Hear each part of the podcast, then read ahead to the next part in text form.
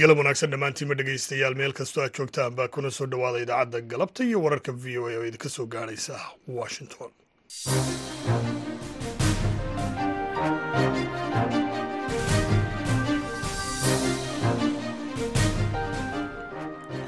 waa galabnimo isniina taarikhduna ay tahay labaatanka bisha februari ee sannadka laba kun iyo saddex iyo labaatan. Waxaad naga dhegaysanaysaan mawjadaha gaagaaban ee lix iyo tobanka iyo sagaal iyo tobanka mitirban iyo weliba guud ahaanba dunidood nagala socotaan boggayaga v o a somali com.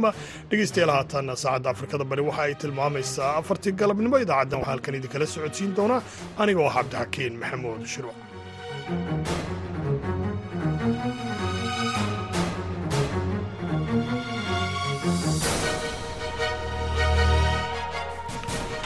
qodobada dhegeystayaal aad ku maqli doontaan idaacadda galabta iyo wararka v o na waxaa ka mid ah waraysi ku saabsan xaaladda magaalada laasacaanood ee maanta.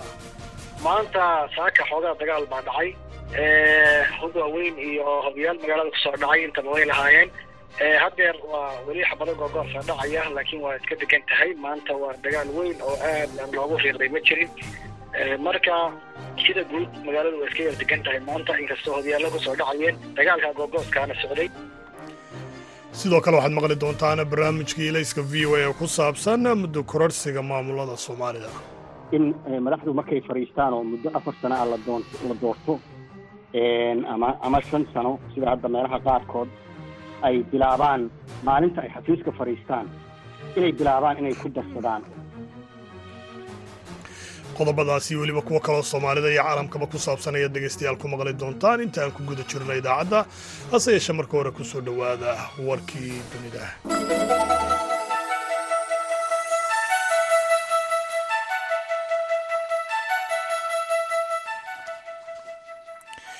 Madaxweynaha maraykanka jo biden ayaa booqashahan hore loo sii shaacin maanta ku tegay dalka ukrain maalmo uun ka hor sanad guurada koowaad ee ka soo waratay markii uu ruushku ku duulay ee dalkaasi ukrain isagoo sheegay inuu halkaasi u tegay si uu muujiyo taageerada madax bannaanida dalkaasi sharaftiisa iyo weliba haybadiisa dhuleed. Isagoo ka barbar hadlaya madaxweynaha ukrain valadimir zelenski islamarkaana ku sugan xarunta madaxtooyada dalkaasi ee marinskey ee magaalada kiyef ayaa biden uu shaaciyey shan boqol oo milyan oo dollar oo kaalmo cusub oo maraykanku uu bixin doono taasoo ay ku jiraan qumacyada madaafiicda iyo weliba hubka lidka taangiyada sidoo kale waxa uu biden sheegay inay jiri doonaan cunaqabateyno cusub oo la saari doono dalkaasi ruushka toddobaadkan. Xogayaha arrimaha dibadda ee maraykanka antony blinken ayaa sheegay in maamulka biden ay taageerayaan in turkiga laga iibiyo diyaaradaha f lix iyo toban islamarkaana waxa uu xusay kalsoonida ah in labada dal ee sweden iyo finland ay dhowaana ku biiri doonaan gaashaanbuurta nato waxaana uu hadalkan sheegay xilli uu maanta wadaxaajoodiya la yeeshay hogaamiyaasha dalka turkiga. Aqalka koongareeska dalka maraykanka ayay tahay inay ansixiyaan iibka diyaaradahan f lix iyo oo ah labaatan bilyan oo dollar taasoo ay ku jirto turkiga oo codsaday afartan diyaaradaha jadka blinkan waa xogayaha arrimaha dibadda ayaa sheegay intii uu ku guda jiray. Shir jaraa'id ay si wada jira wada qabteen wasiirka arrimaha dibadda turkiga mafluut kasafoglu in aanu bixin karin wakhtiga ay sida rasmiga ugu wargelinayaan aqalka koongareeska soo jeedinta iibka diyaaradahan balse waxa uu xusay inuu si firfircoon xidhiir uga sameynaya taageerada heshiiska iibka diyaaradahan ee maamulka biden uu wado ugu dambeyntiina iiraan ayaa maanta dafirtay amaba iska fogeysay warar sheegaya in ay bacriminayaan hubka yuraniyamka islamarkaana ay gaadhsiinayaan heer laga samayn karo hubka nukliyeerka wargeyska bloomberg ayaa xaddii ku warramay in baadhayaal caalami ah oo ka socday hay'adda qaramada midoobay u qaabilsan hubka atomikadu ay soo heleen in yuraniyamta la bacrimiyey islamarkaana la gaadhsiiyey ilaa boqolkiiba afar iyo yuraniyamta ayay tahay inay gaadho ilaa boqolkiiba sagaashan si hubka nukliyeerka ay u noqoto. Xogayaha arrimaha dibadda maraykanka antony blinkan ayaa isaguna warfidyaanada u sheegay xilli uu booqanaya dalkaasi turkiga in maraykanku uu si dhow la xidhiidhay. Hay'adda i a e a oo ah hay'adda qaramada midoobay u qaabilsan hubka nukliyeerka islamarkaana uu kala shaqaynayo inay helaan xog badan oo ku saabsan xaaladaasi dhegeystayaal warkii dunidana ah waa naga intaasi u diyaargarooba qaybaha kale idaacadda galabta iyo wararka v o a.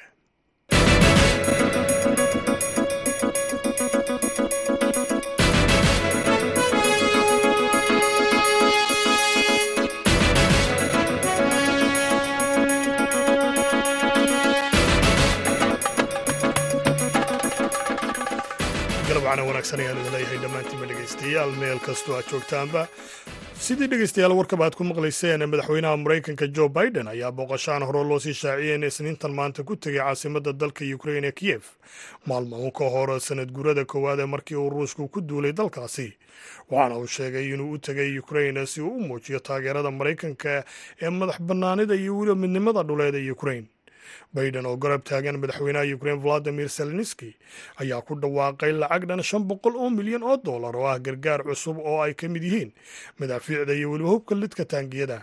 Waxaana uu sidoo kale sheegay inay jiri doonaan cunaqabateyne cusub oo maraykanku uu ku soo rogi doono ruushka toddobaadkan. Maxamed bashiir cabdiraxmaan ayaa arrimahan ka waraystay maxamed nuur qarimow oo ka faallooda arrimaha yurub islamarkaana degan dalka boqortooyada ingiriiska run ahaantii booqashada lama filaanka ee ku tegey madaxweyne biden ukraine run ahaantii waxay muujinaysaa sidoo isagaba sheegay ama la arki karo in maraykanka uu taageero boqol kiiba boqol ah uu la garab taagan yahay ukraine. Marka ay wada hadleen isaga iyo madaxweynaha ukrainena ballanqaadyada uu u sameeyey ayay ka mid ahayd in dhinac walba ay ka taageeri doonaan hadday noqoto xagga hubka dhaqaalaha dhinaca walbaba. Oo isla markaas ay wada hadlaayeen uu ballan qaaday shan boqol oo milyan oo oo deg deg ah oo ay ku siin doonaan rasaasta ammunitionka iyo qalabkan la yidhaahdo antitangiga oo isaguna muhiim u ahaa iyo air surveillance qalab ah oo ay hawada ku ilaaliyaan.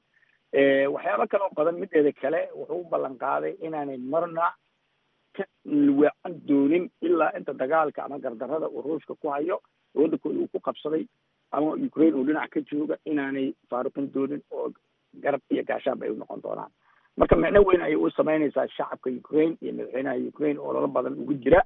Siduu ku heli lahaa qalabka waaweyn ee galbeedka waxyaabaha uu weydiistay ee uu ku celceliyena waxaa ka mid ah diyaaradaha fighter jetska diyaaradaha dagaalka inay siiyaan inay siiyaan madaafiicda meelaha fogfog gaari kara ruushka ku beegsan karaan even magaalooyinkooda iyo meelaha iyaga laftigooda ay ka damqan karaan.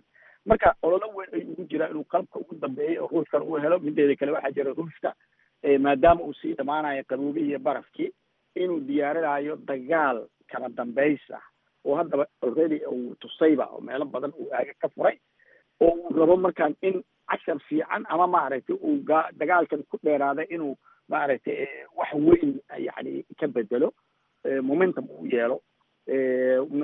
Yani waxaad fahmaysaa in reer galbeedkuna ay warkaasi ay isleeyihiin u qaato si serious ah oo ukraine si in loo garba istaago ukraine waxyaabaha hadda ku gabaabsiga waxaa ka mid ah rasaastoo kale in lala gaaro in hubkan ay weydiisteen oo maaragtay reer galbeedka reer galbeedka inkasta ay ka weecweecanayaan inay diyaarado iyo gantaalada meelaha fogfog wax ka dila inay siiyaan laakiin waxaad moodaa inay hadda ku sii dhawaanayaan inay wax siin doonaan. Iyagoo ana ogaaday in ruushka sida hore uusan ahayn awoodiisu ay sii yaraanayso. Waa tahay qalimow horey ee madax reer galbeed ah ayaa ukraine u booqday laakiin iyadoo ay ka dhiman tahay maalmo un qura sanad guuradii koowaad in madaxweyne maraykan ah uu booqdo ukraine gaar ahaan caasimadda maxay uga dhigan tahay dowladda ukraine? Dagaalkan ay isaga difaacayso ciidamada ruushka ee dalkeeda ku soo duulay?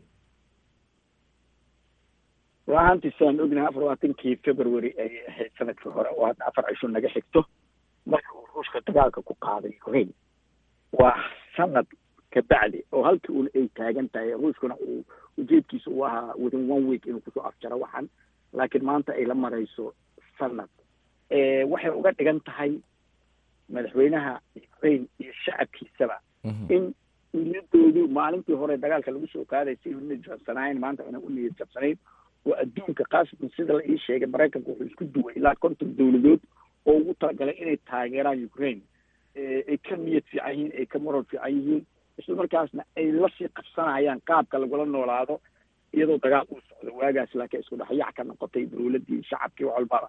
Marka waxaad moodaa in maalintii u bilaabanaya maanta ay ka niyad fiican yihiin. Haddana ay heleen madaxweynaha maraykanka oo maraykanka aan ognahay inuu yahay power. oo yani maanta cid un ruushka isku taagi karta uu maraykanku yahay dhaqaale ahaan iyo ciidan ahaanba in maanta madaxweynahoodii uu yimid marka taa macno weyn ugu fadhidaa runtii iyo iyo inay niyad u yeeshaan inay waddankooda xoreystaan oo darada ruushka ciyaalkeeda ku celiyaan ama uu ka baxo intuu ku daalo marka wax weyn bay uga dhigan tahay run ahaantii marka dagaalka hadda sanad buu galay sida muuqata ee maxaad is leedahay ma sii jiitami doonaa mise waxaa iman doona xal in lagu dhameeyo colaadda? Maxaa miiska saaran oo aad is leedahay dagaalkan waa lagu wajihi doonaa? Run ahaantii aragtidayda iyo sida hadda dagaalka u muuqday qaabka hadda la isugu tafaxiidanayo waxaad moodaa dagaalkan inuu waqti dheer socon doono.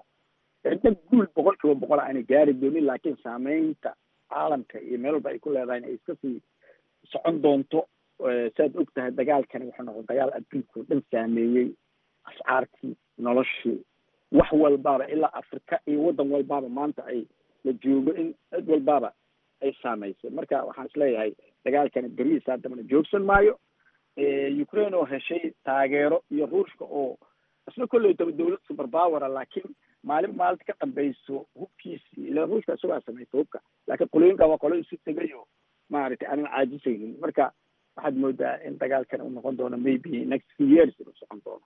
Adduunkuna iskala qabsan doono waayo ascaartii oo caqaaligoodi qof walba wuxuu yani ou qabaa. Dagaalka inuu joogsan doono nolosha caadigeeda ku noqon doonto ascaarta caalamka ay degi doonto.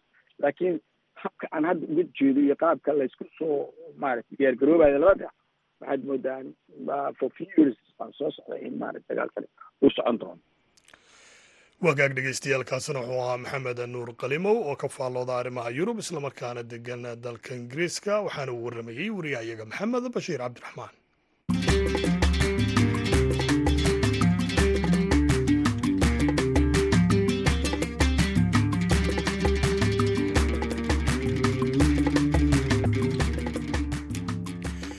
Ra'iisul wasaaraha soomaaliya xamse cabdi barre ayaa maanta furay shir sannadeedka xeerlaaliyaasha soomaaliya kaasoo lagu soo bandhigayay wixii uu qabsoomay iyo weliba howlaha horyaalla warbixin arrintaasi ku saabsan waxaa muqdisho nooga soo diray xasan kaafi cabdiraxmaan qoyste. Ra'iisul wasaaraha oo khudbad ka jeediyey furitaanka shirka ayaa ugu horreyn sheegay in bulshada soomaaliyeed ay kaalin ku leeyihiin musuq maasuqa ka jira hay'adaha dowladda wuxuuna soo jeediyey inay ka waantoobaan arrintaasi. Musuq maasuqu hay'adaha dowladda keliya ma musuq maasuqa inta badan bulshadu ka yimaada ii fudude ayagaa bari. Anaa intaa ku siinaya adigu iska waxayso. Bulshaday ka timaadaa bulshadeenna asal waxaa ka ah musuq maasuqa waana runta in la sheego waa laga maarmaan. Wasiirka koowaad ee xukuumadda federaalka xamse cabdi barre ayaa sidoo kale tilmaamay inaysan kordhi karin miisaaniyadda ilaa inta uu jiro musuq maasuqa daashaday hay'adaha kala duwan ee dowladda. Bajetkeenu kor uma kici karo haddaan musuq maasuqa lama dirin haddaan la isla xisaabtamin kor uma kici karo. Marka waxaan rajaynaynaa in dowlad wanaagga aad ka shaqaysaan. Waxaan rajaynaynaa inaad cadaaladda aad ka shaqaysaan. Waxaan rajaynayaa inaad kor u qaadaan shaqada aad qaranka u haysaan. Waxaase intaasoo dhan insha allah aan si xoog loogu wada shaqaynaynaa in manduumadaas dhan ee isku xiran saan sheegnay in aan xoojino musuq maasuqa dhexdeeda ka saarno shaksiyaadka tuhmadu ku jirto in laga dhex saaro waxaan garanti garaynaynaa in shacabkeennu ay ku kalsoonaan doonaan inay dowlad leeyihiin inay nidaam garsoor leeyihiin in aysan dhacaynin aynu khawaarijta isla aadno aan xog tagno aan bannaanka aadno inaysan dhacayn ugu dambayntii xamse cabdi barre ayaa ku baaqay in bulshada soomaaliyeed laga wacyigeliyo dhaqamada ku salaysan laaluushka iyo musuq maasuqa cid walba oo lagu helana sharciga la hor keeno. Mar kale waxaan ku celinayaa tallaabo ma qaadi karno amni ma sugan karno dhaqaalo ma soo kordhisan karno oo isku filaasho ma gaarayno dulliga kama baxayno inta uu dulmina inagama baxayo dulmi. Dulmi intuu jiro dulli kama baxayno. Dulmina kama bixi karno haddaynan cadaalad. Aydan cadaalad jirin cadaaladii baad marka bays u tihiin cadaaladii baad aas-aas u tihiin. Marka in dembiga la baaro in dembi la oogo in dadka wax la baro waxaan aada u rajaynayaa hay'adahan hadda aan sheegnay inay wacyigelin sameeyaan oo dadkeenna la baro waxaa ugu horreeya oo ku celinayaa hay'addiina insha allah waa la dhisi doonaa guddi commission ku shaqada lahaa laakiin waxaan aada ugu celinayaa war musuq maasuqa iyo nepotismka iyo qabyaaladaysiga iyo mushkilada cudurrada aan qabno ee inagaga dhex jira meel walba inaga galay oo uu ka mid tahay manduubadan hadda aan sheegaynay ee garsoorka iyo cadaaladda ku jiraan dadkeena aan ka wacyigelin. Xasan kaafi qoyste v o a muqdisho. Waa hagaag dhegeystayaal aad iyo aad ayuu mahadsan yahay. Xasan kaafi cabdiraxmaan qoyste oo warbixintaasi magaalada muqdisho inooga soo diray. Haatanna ku soo dhowaada barnaamijka ilayska v o a oo inoo soo diyaariya islamarkaana inoo soo jeedinayo maxamed colaad xasan.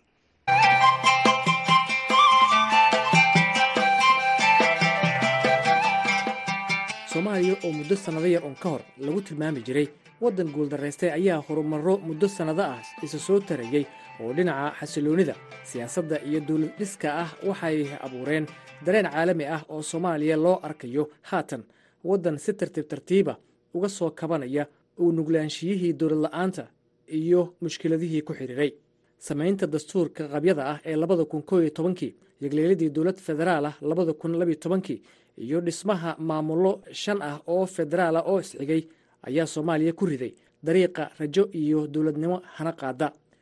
Doorashooyin xilalka ay madaxdu kula kala wareegeen ayaa ka qabsoomay dalka waxaana ugu dambeeyey kuwii labada kun labiyo labaatankii.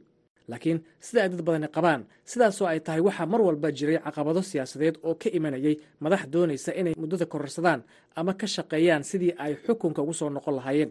Haddaan ku horreyno puntland oo isu taqaana hooyada hanaanka federaalk ee soomaaliya waxay muddo ku soo caanamaalaysay hanaan doorasho oo ay awood badan ku lahaayeen salaadiinta iyo odayaasha beelaha. Cabdirasaaq axmed shoole safiirkii hore ee soomaaliya u fadhiyey suudaan oo ka soo jeeda puntland ayaa barnaamijka elayska uga warramay muddo kororsiyadii soo maray puntland. Waxaana lagu dhisay axdi kumeel gaar ah. Axdigaas ayaa qeexayay muddada jiritaanka dowladda. Axdigaas waxaa ku qoran inay tahay muddo saddex sana inay dowladdaas jirayso.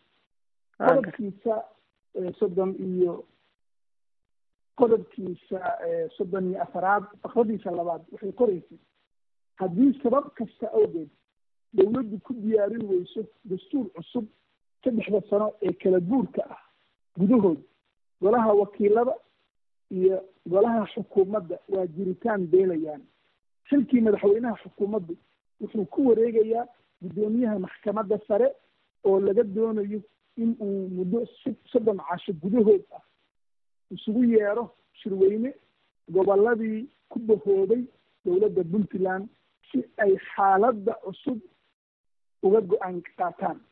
Cabdullahi yusuf salaam xareyste markii la doortay oo xilligii la gaaray xilligii saddexii sana uu dhammaaday uuna ku guuldaraystay in uu dastuur diyaariyo la diyaariyo dastuur abti loo qaaday oo la ansixiyey ayaa cabdullaahi wuxuu damcay inuu muddadii dheeraysto. Dheeraysigaas waxaa ka dhashay in guddoomiyaha maxkamadda sare allaha naxariistay yuusuf xaaji nuur uu soo farageliyo kadibna uu taladii dalka isaga kumeel gaar ula wareego. Muddo soddon cashaana uu isugu yeero beelihii shirweynihii lagu dhisay puntland oo horeo kale. Ilaan puntland waxaa lagu dhisay nineteen ninety eight shirweyne ay ka soo qayb galeen ergo gaaraysa afar boqol lixdan iyo sideed ergey baa lagu dhisay waxaa dib loogu noqday marka hanaankii waa dib loogu noqday labadii kun iyo kob iyo labadii kun iyo kowdii waxaa dib loogu noqday hanaankii hore. Halkaasaa waxaa dib loo yegleelay puntland cusub oo loo doortay xilligaas muxuu ahaa jaamac ali jaamac madaxweyne loogu doortay. Kadib waxaa ka dhashay doorashada doorasho dastuuriyay ahayd marka la eego dastuurka iyo shuruucda marka la eego kadibna waxaa ka dhashay awood ciidan inuu cabdullaahi isticmaalo oo talada dalka uu dib ula wareego. Markaas marka waxay ahayd muddo kororsi aanan salka ku hayn dastuuri. Cabda muuse waxaa la doortay sideedii bishii january laba kun iyo shantii baa la doortay. Marka la dooranayo miiska waxaa saaran dastuur aan weli ansixintii la gaarsiinin waxaa caddo lagu dhaariyey axdigii kumeel gaarka saddex sanaha baa lagu dhaariyey. Intuu hayay ayuu wuxuu dhamaystiray dastuurkii golaha wakiilada mariyey. Marka sanad buu caddo ku darsaday. Sanadkaasna dastuurka cusub baa wuxuu qorayey muddada xilhaynta madaxweynaha iyo xukuumaddu inay tahay afar sano inay tahay. Cadde muuse taladii dalka wuxuu wareejiyey sideedii bishii january laba kun iyo sagaalkii buu wareejiyey taladii waxaa ku wareegay cabdiraxmaan maxamed faroole. Cadde sanad buu ku darsaday laakiin sanadkuu ku darsaday wuxuu haystay muxuu ahaa sabab sababo dastuuri buu haystay. Sanadkuu ku darsanayay wuxuu haystay sababo sharciyeed buu haystay. Inkastoo lagu dhaariyey axdii kumeel gaarka ahaa. Faroolena marka markuu yimaaday dastuurkiibuu dhamaystiray faroole. Dastuur dhamaystiran oo afti dadweyne loo qaaday oo kooban oo la ansixiyey buu sameeyey.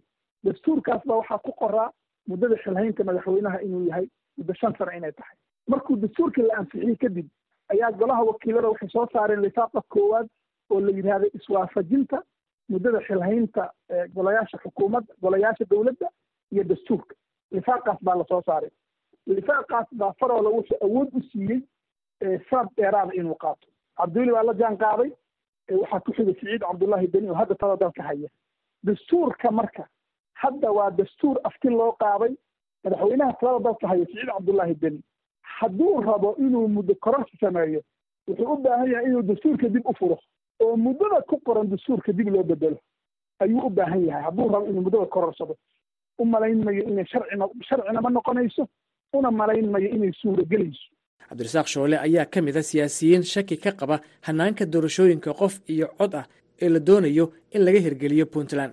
Way fiican tahay talada dad dadka dadka in lagu soo celiyo inay doorasho dhacdo oo dadku ay doortaan hoggaankooda. Wax aada u fiican waana waxa ay tahay inay puntland samayso hadda ka horna ay horey uga gaadisay laakiin hanaanka sida hadda uu ku socdo baarlamaanka hadda golaha wakiilada hadda jira xilkooda wuxuu ku eg yahay kalfadhiga u dambeeya oo bisha juun hadda bilaabanayuu ku eg yahay. Haddii la gaaro octoobar baarlamaankan muddadiisa waa dhacday january sideedeedii labada kun iyo afar iyo labaatanna madaxweyneha xilkii waa ka dhacay marka waxa ii muuqda waa political vacuum ama faraaq siyaasi ah. Faraaqa siyaasiga ahna marka uu yimaado waa meelaha colaada iyo isqabqabsiga iyo muxuu ahaa ay timaado puntlandna waa dowlad fragile ah.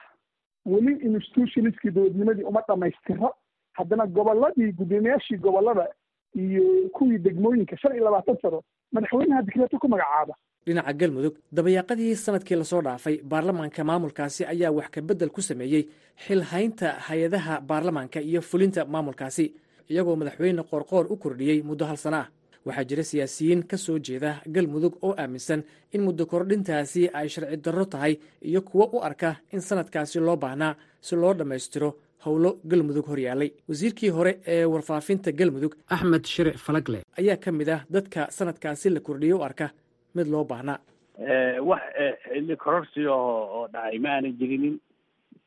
Waxay ku socotaa si caadi oo maaragtay shaqada u socoto. Dawladda haatan jirta ayaa baarlamaanku haatan wuxuu u kordhiyey muddo sanada. Maya lama dhihi karo waa waa waa sanad ku darsiya waxaa la dhihi karaa waa sanad waxqabad loo jeedo. Waxa weeyaan madaxweynaha waxaa u hartay sanad caadiya sanadna waa sanadkaas loogu lagu daray. Sababta loogu daray asaga looguma darin waxa lagu daray. Waxaa loo baahnay in shaqa la qabto. Sanadka caadiga ah oo afartii sana ka dhiman iyo sanad kale oo oo lagu beeqaamiyo ayaa waxaa loogu talagalay in galmudug la gaarsiiyo qof iyo cod. Si la mida galmudug ayaa baarlamaanka hirshabeelle sannadkii labada kun iyo labaatankii wuxuu muddo kordhin u sameeyey muddo xileedkooda iyo tan madaxweynaha oo ay ku dareen hal sano iyagoo sabab uga dhigay inay isku soo beegmeen doorashadii federaalka iyo tan hirshabeelle. Maxamed cusmaan cabdi waa siyaasi ka soo jeeda hirshabeelle kana faallooda arrimaha gobolka. Waxa uu u warramay barnaamijka ilayska v o eda.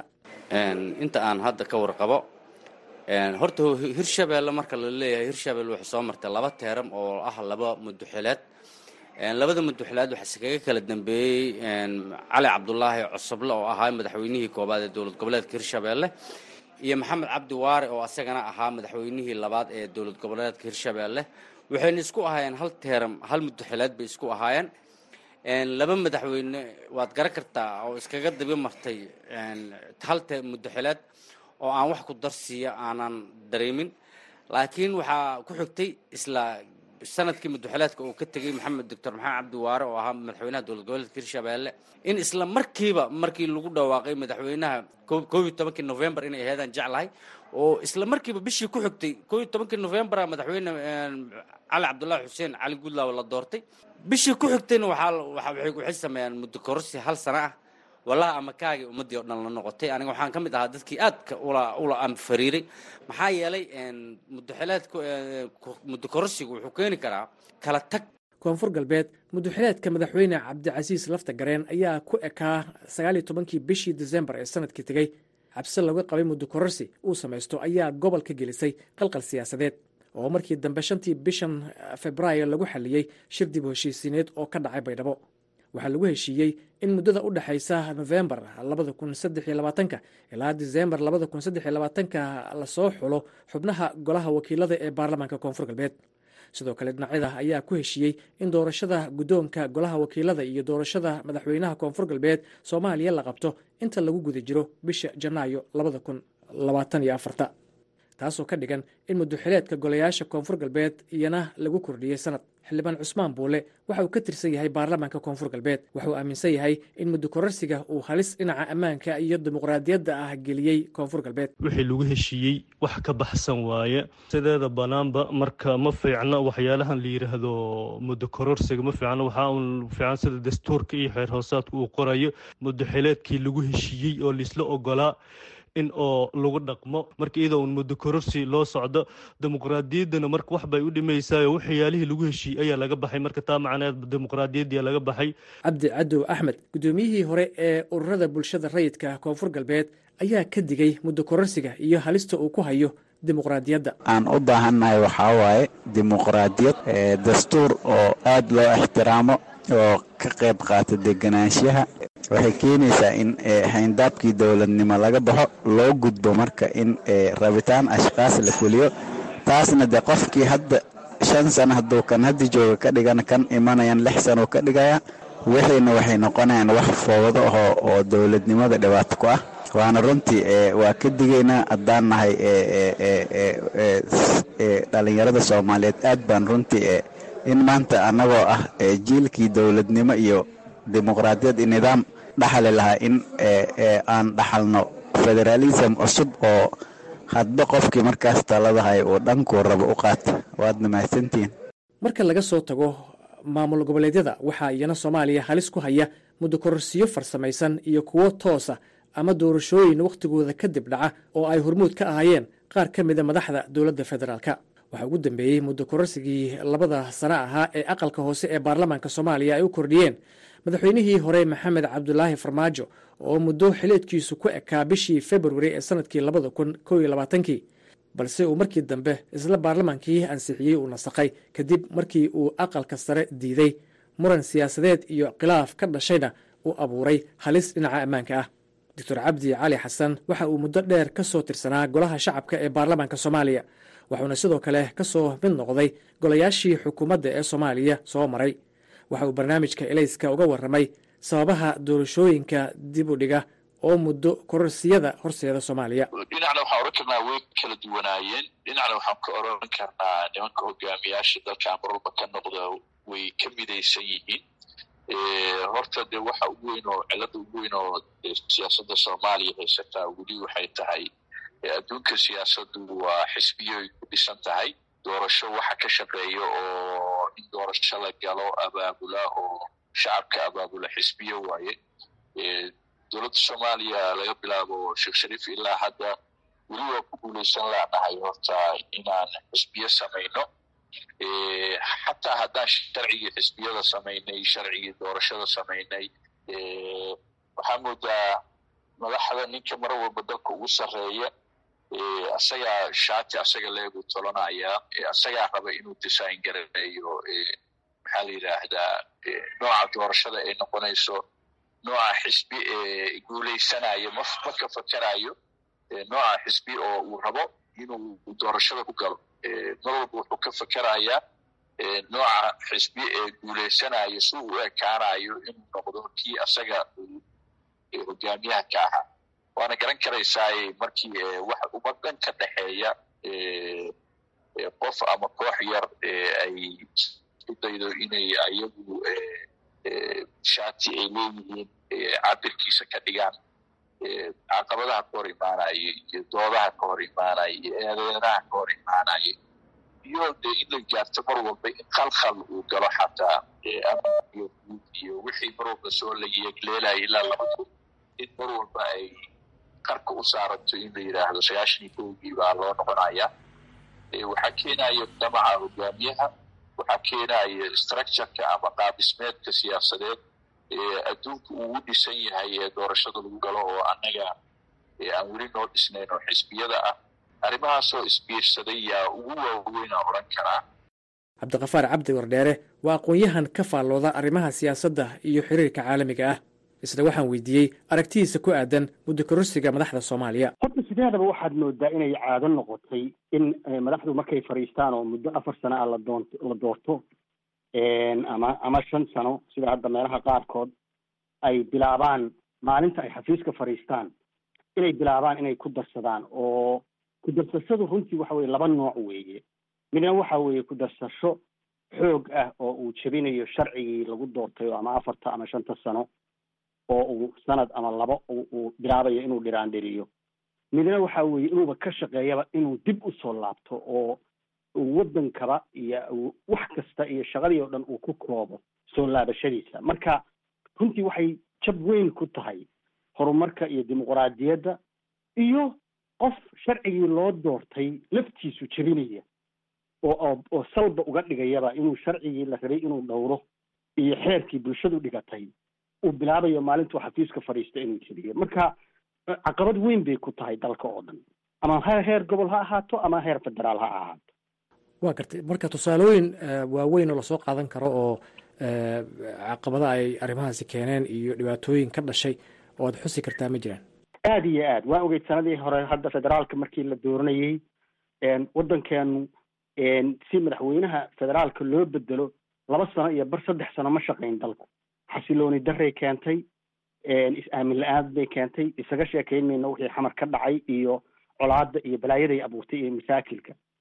Maamul goboleedyada waa sidoo kale wey haddeeray ka socotay oo khatar ay gashay baydhabo aad la socotay meeshay gaartay. Waatan dowladda hadda puntland ay doorasho macbilah oo asalkeeda oo dhani uu yahay ku darsasho iyo soo laabasho oo aan sal kale lahayn. Ay hadda abaabulayso oo wadankii o dhan ku wareerisay oo aan puntland laga shaqayn waa ka warqabtaa kismaayo iyo inaanba iyada layskaba dooranba. Marka ma aha waxaani in soomaalidu ay inay sahlanta maaha haddaynu rabno inaan dimuqraadiyad iyo horumar iyo iyo xasilooni iyo aynu hiigsano waa in bal horta ninka u sarreeya sharciga. Uu fahamsan yahay inuu isagu yahay kan dhowraya oo doorashadu ay tahay asalka heshiiska bulshada oo u yaalla isaguna uu dhowro mana dhacdo dadkuna aad bay runtii usahlan u sahladaan ma aha shaksi kursiga ka degayo oo shaksi kale fuulayo waa waa isfaham iyo heshiis bulshadu ay gashay inuu markaa ninkaasi xeeriyo oo sugaal laga rabaa ma aha inuu isagu maalintuu xafiiska fadhiisto uu ka bilaabo inuu isagu ama sanad ku darsado ama labo ama sideedaba uu soo laabtaba uusan shaqo kale qaban. Dhegaystayaal waxaa naga xusuusinah inaan xiriir la sameynay madaxda dhammaan maamul goboleedyada aan kaga hadalnay barnaamijka si ay uga jawaabaan aragtidooda ku aadan muddo kororsiga. Laakiin aysan noo suuro gelin marka ugu horreyso oo ay fursaddu inoo saamaxdana waxaan idinkugu soo gudbin doonaa barnaamijka elayska v o eda inkastoo ay siyaasaddu caqabado badan ku xiran yihiin soomaaliya ayaa ganacsiga gaarka ah ee soomaaliya uu yahay mid ay ka muuqato adkaysi iyo hal abuur iyadoo gobolka geeska afrika iyo badda cas ay ka jiraan fursado ganacsi iyo suuqyo ay soomaaliya ka faa'iidi karto. Waxaa horumarka soomaaliya ay ku tallaabsatay ka mid ah inay ka shaqaysay caafimaadka hanaanka maamulka soomaaliyadda oo muhiim u ah qorshaha deyn cafinta soomaaliya. Waxay iska nadiifisay soomaaliya deymihii uu ku lahaa bangiga horumarinta ee afrika. I m f iyo bangiga adduunkuna waxay dhimeen deyntii soomaaliya oo ahayd shan dhibic saddex bilyan iyagoo ka dhigay saddex dhibic saddex bilyan sannadkii labada kun koo iyo labaatankii. Soomaaliya waxay heshiis la gaartay bishii maaj ee sannadkii labada kun iyo labaatankii baris club oo ah hay'ad ay ku bahoobeen deynbixiyaasha dhinaca amniga dowladda soomaaliya waxay dhul ballaaran ka qabsatay maleeshiyada ururka al-shabaab oo ay weli ku hayso dagaal xoogan oo ay dowladdu doonayso inay al-shabaab soomaaliya kaga sifayso. Dadka ka faallooda siyaasadda iyo dhaqaalaha soomaaliya ayaa aaminsan dimuqraadiyadda oo dib u noqota iyo dhaqanka muddo kororsiga iyo xukunku dhegga oo sii xoogaysta soomaaliya ay halis ku yihiin sii xajinta guulaha ay ilaahay hadda gaartay soomaaliya. Intaas ayaan dhegeystayaal ku soo koobaynaa barnaamijkii ilayska v o eda ee toddobaadkan. Ciddii uu sego dhegeysiga barnaamijka waxay ka daalacan kartaa bogga aan ku leenahay internetka ee v o a somaali com ama boggeenna facebook. Intaan barnaamij midka la mida ku kulmaynana waa maxamed colaad xasan oo idinku dhaafaya sidaa iyo nabadgelyo maxamed colaad dhegeystayaal aad iyo aad ayuu mahadsan yahay oo barnaamijkaasi nala socodsiinayey halka weli aad nagala socotaana waa idaacadda galabta iyo wararka v o a. Xaaladda magaalada laascaanood ayaa la sheegay inay xoog u deganayd inkastoo goor hore oo saaka iska horimaadu dhacay. Wararkii u dambeeyey xaaladda caafimaad ee laascaanood ayaa wariyahayaga cabdikariin ololu ka waraystay. Doctor xasan maxamuud xuseen oo agaasimaha cusbitaalka fayo ee laascaanood bismillahi raxmaan raxiim waa mahadsan tahay ololow khayr allah ku maanta saaka xoogaa dagaal baa dhacay. Hub waaweyn iyo hobiyaal magaalada ku soo dhacay intaba way lahaayeen. Haddeer waa weli xabado googoorsa dhacaya laakiin waa iska degan tahay. Maanta waa dagaal weyn oo aad aan loogu riiqday ma jirin. Marka sida guud magaaladu waa iska yar degan tahay maanta inkastoo hobyaallo ku soo dhacayeen dagaalka googooskaana socday. Caafimaadku waa fiican yahay. Maanta dhimashada iyo dhaawacda aad u yaraayeen maanta maba jirinba marka aad iyo aad maanta waa xoogaa deganaansho yar baa la dareemayaa maadaama hobiyaashiina qaybo kamida magaalada ku soo dhaceen oo guryo gubteen hadda xaaladda xilligan aan kula hadlayo laakiin way yar degan tahay xabado googoosana way dhacayaan. Waxaad nooga warantaa bal dadkii dhaawacyada ahaa ee goobaha kala duwan ee caafimaadka yaallay xaaladooda nooga waran olow way fiican yihiin runtii dadkii dhaawacmay wixii aan raferaal garaynay ama dirnay mooyaane wixii kale aad iyo aad bay runtii u fiican yihiin way aad si fiican bay uga soo kabteen. Ilaahay waa nala garab galay annana waanu ku dadaalnay. Dadka soomaaliyeed taakulaynta iyo meel kasta maaragtay ka soo gurmadayna runtii si wanaagsan iyo dhakhaatiirtaba si wanaagsan bay noo caawiyeen runtii. Marka waa si waxaan ogan karaa boqolkiiba sagaashan waa si fiican bay uga soo kabteen dhaawacyadii dadkii dhaawac ahay ma jiraan goobo kaleoo cusbitaallada ku yaalla degmooyinka gobolka sool oo iyaga dhaawacyo la geeyey ha ha wala way jiraan. Meelo kala duwan baa jira oo runtii dhaawacyada loo gudbinayey kalabayn oo kale xudun oo kale meelo badan oo loo gudbinayay baa jira runtii oo gobolka ah. Marka marka magaalada wixii magaalada ku dhaawamay ee gudaheeda wixii markaas u baahnaa wakti dheer oo ay jiifaan ama maaragtay meel aan u sii diraynay. Magaalooyinkaas maaragtay degmooyinkaan u gudbinaynay laakiin wixii kale waan haynay wayna fiicnaadeen runtii way kaakaceen aad iyo aad bayna uga soo kabteen. Waxaa kaloo jiray sidoo kale olow dad rayida oo badan oo dhaawacmay oo waxaan odhan karnaa waxaan odhan karnaa boqolkiiba boqol dadka dhaawacmay. Waxayba u badnaayeen markii dadkii waxay u badnaayeen dadkii rayidka ahaa. Ruuhoobiyaasha ku soo dhacayeen dadkaasi ugu badnaayeen. Marka de maadaama ay dumar iyo carruur iyo u badnaayeen.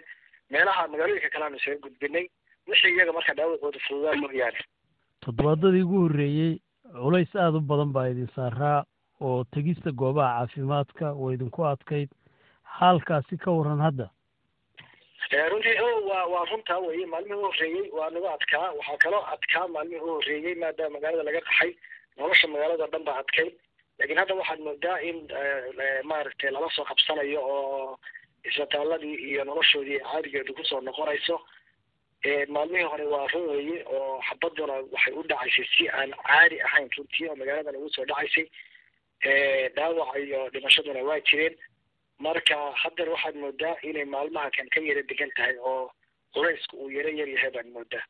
Waxaa jira fariimo aada la wadaagayseen bulshada qaybaheeda kala duwan oo dhanka caafimaadka ka soo baxaysay. Maxay ahayn fariimahaasi dadka shacabka ah ee magaalada dhex jooga laakiin marka dagaalku jiro ama wiiftadu soo dhacayso ama hobiyu soo dhacayo inay gabaadyo ka galaan baa fiican runtii ay ku seefgareeyaan naftooda. Waxaa kaloo aan kula talin lahayn marka qaar waxaa soo dhacaya waxyaalo hub weyna oo aan qarxin.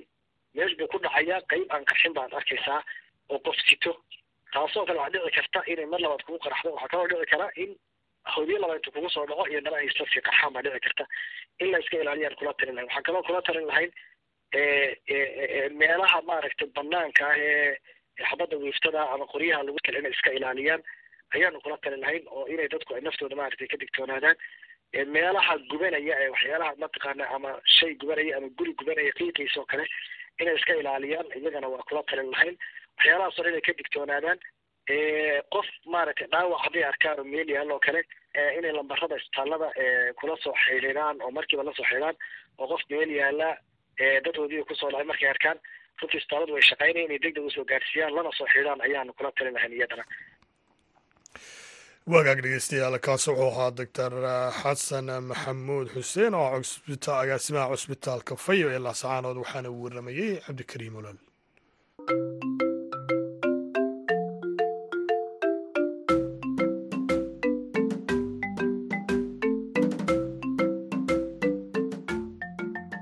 hamoogaanin dhegayste barnaamijyada kulanka waalidiinta iyo sasame sheekoy sheeko dhegaystayaal maalmaha jimcaha iyo sabtida waxaad v o a ka dhegaysataan barnaamijyo xiise leh oo loogu talagalay waalidiinta iyo carruurta barnaamijyadan midkood waxa uu ku saabsan yahay waalidiinta iyo daryeelka carruurta iyo barnaamij kale oo ku saabsan madadaalada dhallaanka.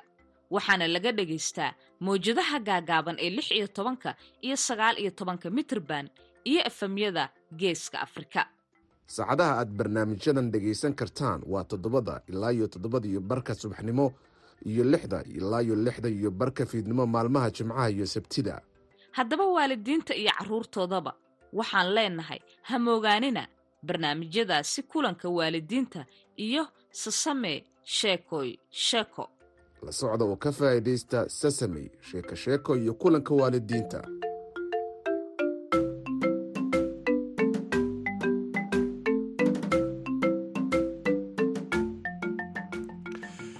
Waagaaga dhegeystayaal halka weli aad nagala socotaan waa idaacadda galabnimo. Dalalka faransiiska iyo weliba burkina faso ayaa si rasmiya u soo afjaray howlgalladii ay ciidamada faransiisku ka wadeen dalkaasi ku yaalla galbeedka qaaradda afrika warbixin ay wakaaladda wararka ee reuters ka qortay arrintaasi waxaa inoo haya xuseen barre. Bishii januari ayay dowladda burkina faso u qabatay dowladda faransiiska muddo bil ah in ay ciidamadeeda kula baxdo iyada oo la soo afjaray heshiis militari oo u ogolaanaya ciidamada faransiiska in ay la dagaalamaan kooxaha kacdoonka wada. Bixitaanka ciidamada faransiiska waxa uu bog cusub u noqonayaa dagaalka ay burkina faso kula jirto kooxaha islaamiyiinta ah ee xidhiirka la leh alqaacida iyo daacish kuwaasi oo la wareegay dhul ballaaran malaayiin qofna ku barakiciyey gobolka ballaaran ee saaxil. War qoraar ah oo uu soo saaray taliyaha guud ee ciidamada qalabka sida ee burkina faso ayaa lagu sheegay in ay kala qayb galeen hogaanka ciidamada gaarka ee faransiiska xaflad lagu muujinayay soo afjaridda rasmiga ah ee howlgallada ay ciidamada faransiisku ka wadeen burkina faso.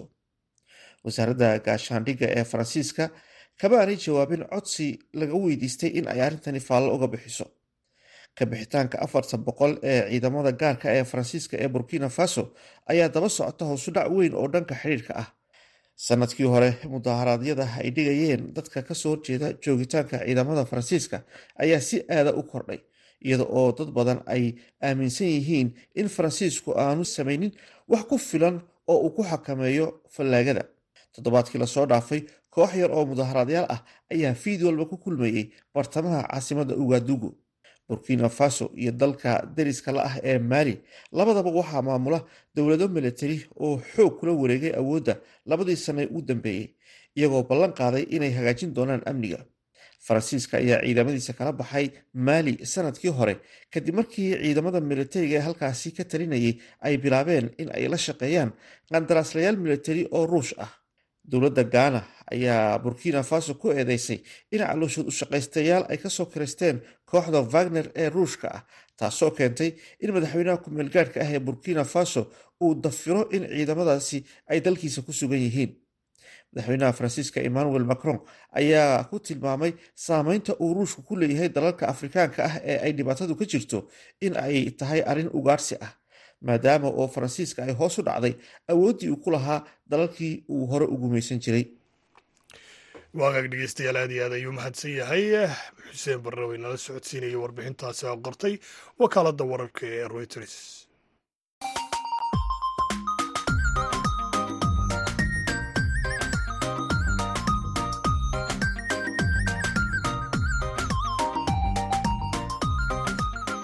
bandhiga v o a. Barnaamijka bandhiga v o a waa barnaamij oo idinku tala gashay laanta af soomaaliga ee v o a bandhigga v o a waxaad khamiis walba kaga bogan kartaa qormooyin kala duwan oo la xidhiidha taariikhda iyo aqoonta guud dhaqaalaha sharciga iyo samafalka.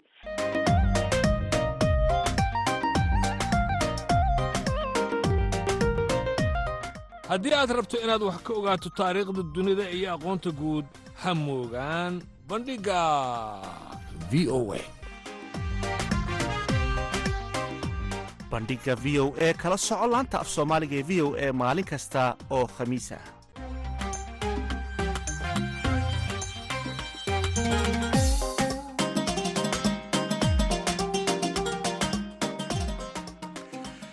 haatana dhegeystayaal ku soo dhowaada xubintii ciyaaraha toddobaadka oo inoo hayo maxad cali xidir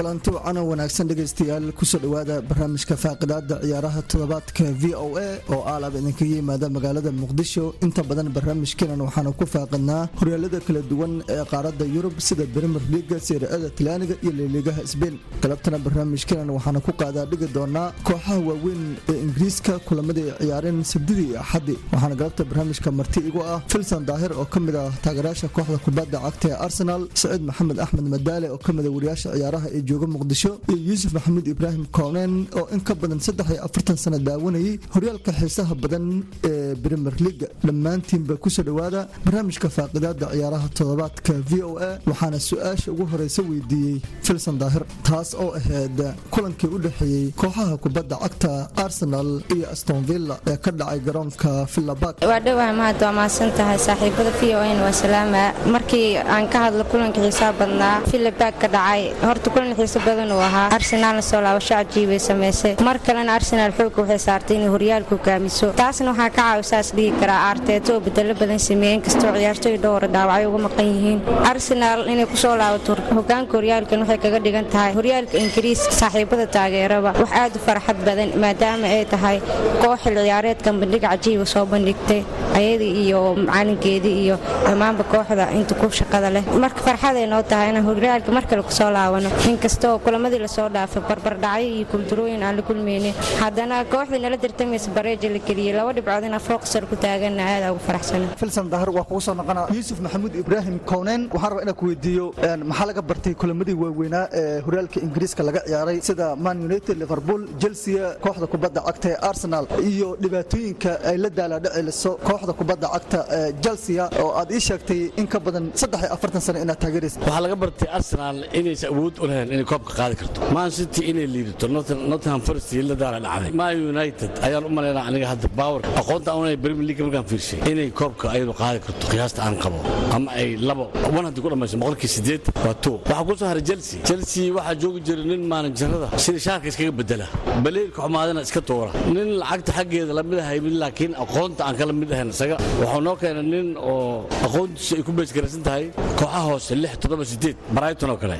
Mentality brighton oo chelsea noo keenay at least shan milyan waa gelisay oo lacaga. Waxaa ii muuqata dhibaatada hadda ugu weyn chelsea. Waa line aba uusan aamini karin. Kooxdii cayaartooyda uu soo gatay oo dalbada oo loo keeno lacag badan loo soo baxshay nin uu siinayo one game ma jiro. Nin kasta wuxuu siinaya labaatan daqiiqo baxa mid kaloo keena ninka la baxshay waa qalqalaa. Hadda aniga my opinion waxaan is leeyahay. Boortiyeeriga iyo koojka tis haddii laga wareejiyo inay xataa koobka u dagaalami karto. Saciid maxamed axmed madaale booskii intaan lacagtaan la gelin booska hoose u sii socotaa. Liverpool oo dhiiqadan kula jirtay waa ka baxday oo guuley gaartay. Marka cilada keliya ee kooxdan loo aanaynayo in hoosu dhacan waxaa leeyahay waa tababaraha iyo isfahan la'aanta xidigaha iyo tababaraha ka dhexaysa iyo isla xidigihii dhowaan soo galay kursiga kaydka iyo kuwii hore u joogay qaabka loo kala maaraynayo marka waxaas oo isbiirsaday ayaa la dhihi karaa kooxdan hoosudhaca ku socda.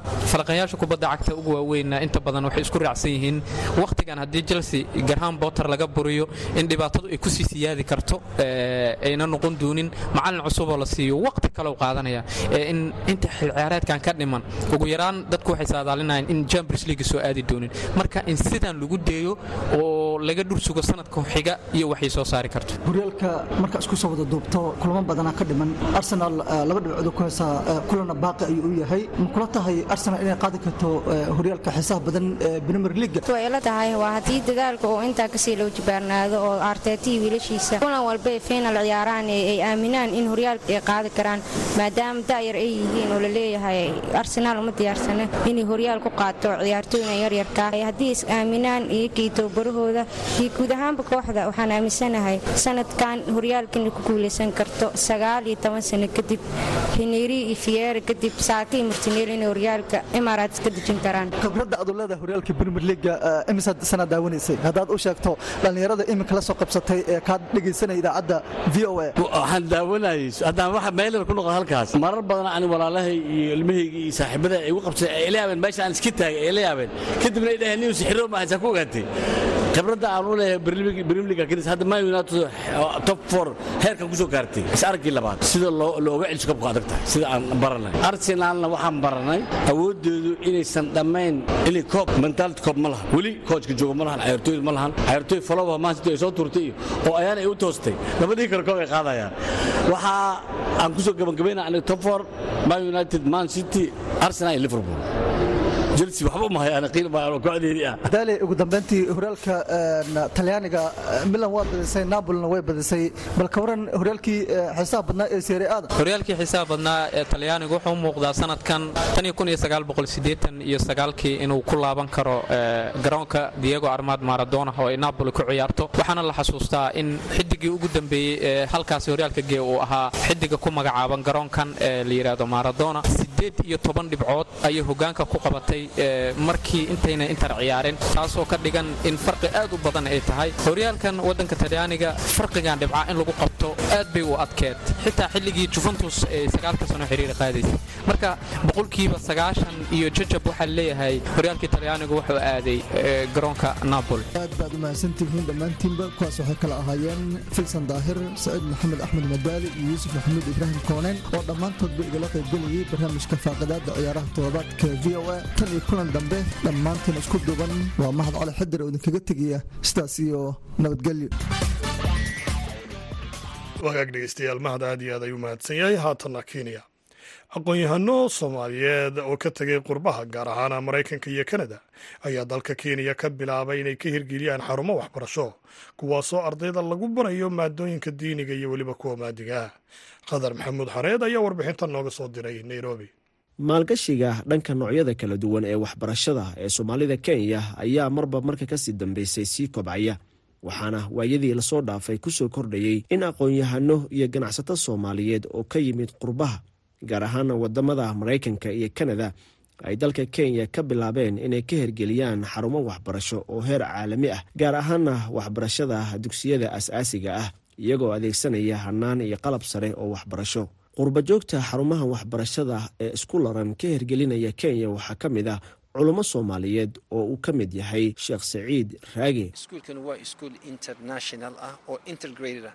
Intergraded waxaa looga jeedaa waa iskuul isku laray diintii iyo cilmigii diiniga aha iyo cilmigii dunyagaba iskuul afkaartan dakhiilka ah ee dabadda inooga timi iskuul la dagaalami kara oo ilmihii marka looga dhaamin karo ceelkii ama manbicii ahaa diiniga iyo manbicii dunyaga ahaa oo marka labada marka labada laysugu laysu barkiyo ilmihii wuxuu noqonayaa ilmo caqli iyo iimaan iyo caqiidadba difaaci kara mabdiciisa waxaanu jecelahay iskuulka waxaanu ka dhignay international waxaan doonaya iskuulkani ardayda ka soo baxda inay meel walba tagaan walaaca waalidiinta soomaalida ee qurbaha ku nool ay ka qabaan hanaanka waxbarashada ee waddamada ay ku nool yihiin ayaa sidoo kale ku keenaya aqoon-yahano badan oo qurbaha ku nool gaar ahaana sida maraykanka iyo kanada inay xarumaha waxbarashada noocan oo kale ah ay ka hirgeliyaan geeska afrika gaar ahaana dalka kenya. Sheekh maxamed ismaaciil waxa uu ka mid yahay culimmada soomaaliyeed ee fadhigooda uu yahay dalka maraykanka. Ha noqoto maraykanka canada ama si guudba north america yurub iyo maaragtay asia. Sidaa daraaddeed marka waxay u baahan yihiin waxbarasho tayaysan oo la jaan qaadi karta dalalkii iyo maaragtay environmentigii ay ka yimaadeen la jaan qaadi karto markay ku noqdaan dalalkoodii inaysan noqonin dad ka dambeeya dad waxbarasho ahaan dadkii ay ka yimaadeen. Waxaa intaa dheer iyaduna dadka ka yimid dalalka aan sheegay waxay door bidayaan inay dalkan keeto ilmahooda ay keensadaan si ay u ilaaliyaan diintooda dhaqankooda iyo akhlaaqdooda. Qaybaha kala duwan ee bulshada soomaalida ku nool magaalada nairobi gaar ahaana kuwa qurbaha ka imaada ayaa aada u soo dhoweynaya in la helo waxbarasho u dhiganta midda kuwa waddamada ay ku nool yihiin. Anagoo magacayda ah isxaaq madkeer isxaaq oo ahalka ku dhaqan xaafadda islii gaar ahaan magaalada nairobi maanta waxaan ka qayb galnay xaflad lagu dahafuray iskuol oo international ah oo academic ah oo iskuulkan wuxuu iskugu jiraa islaamic iyo secular. Xaqiiqatan iskuulahan aad baan ugu baahannahay aad baan ugu faraxsannahay inaan maanta xafladda aan ka soo qayb galno. Marka khaasatan ummadda soomaaliyeed iskuulahan aad bay ugu baahan yihiin diini academic islaamic iyo secular wax la isku daraayo waa arrin aad u muhiimsan aad baan ugu faraxsannahay xaqiiqatan aad baan u soo dhaweynaynaa magacay bahaji axmed waaye iskuulaha diimiga iskuulo fiican waaye oo akhlaaqda iyo elabtii xishmadda laga baranayo waxbarashadiisana ay high class ay tahay. Ardaydana way u fiican tahay waalidkana way u fiican tahay. Khadar maxamuud xareed v o a nairobi. Wagaag dhegeystayaal haatanna gabagabadii idaacadayna maraynaya aynu ku wada nasanno codka fanaanada kaltuun xasan waali ee kaltuun bacada iyo weliba heesta waqti inuu cajiib yahay wagaag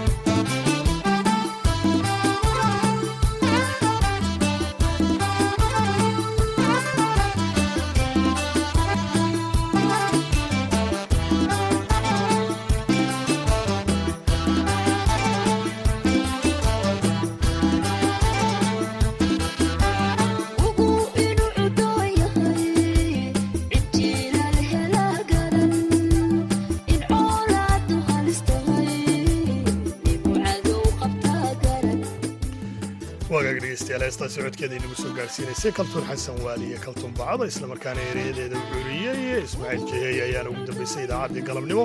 Tan iyo kulanti dambe waxaan idin leenahay sidaa iyo nabadgelyo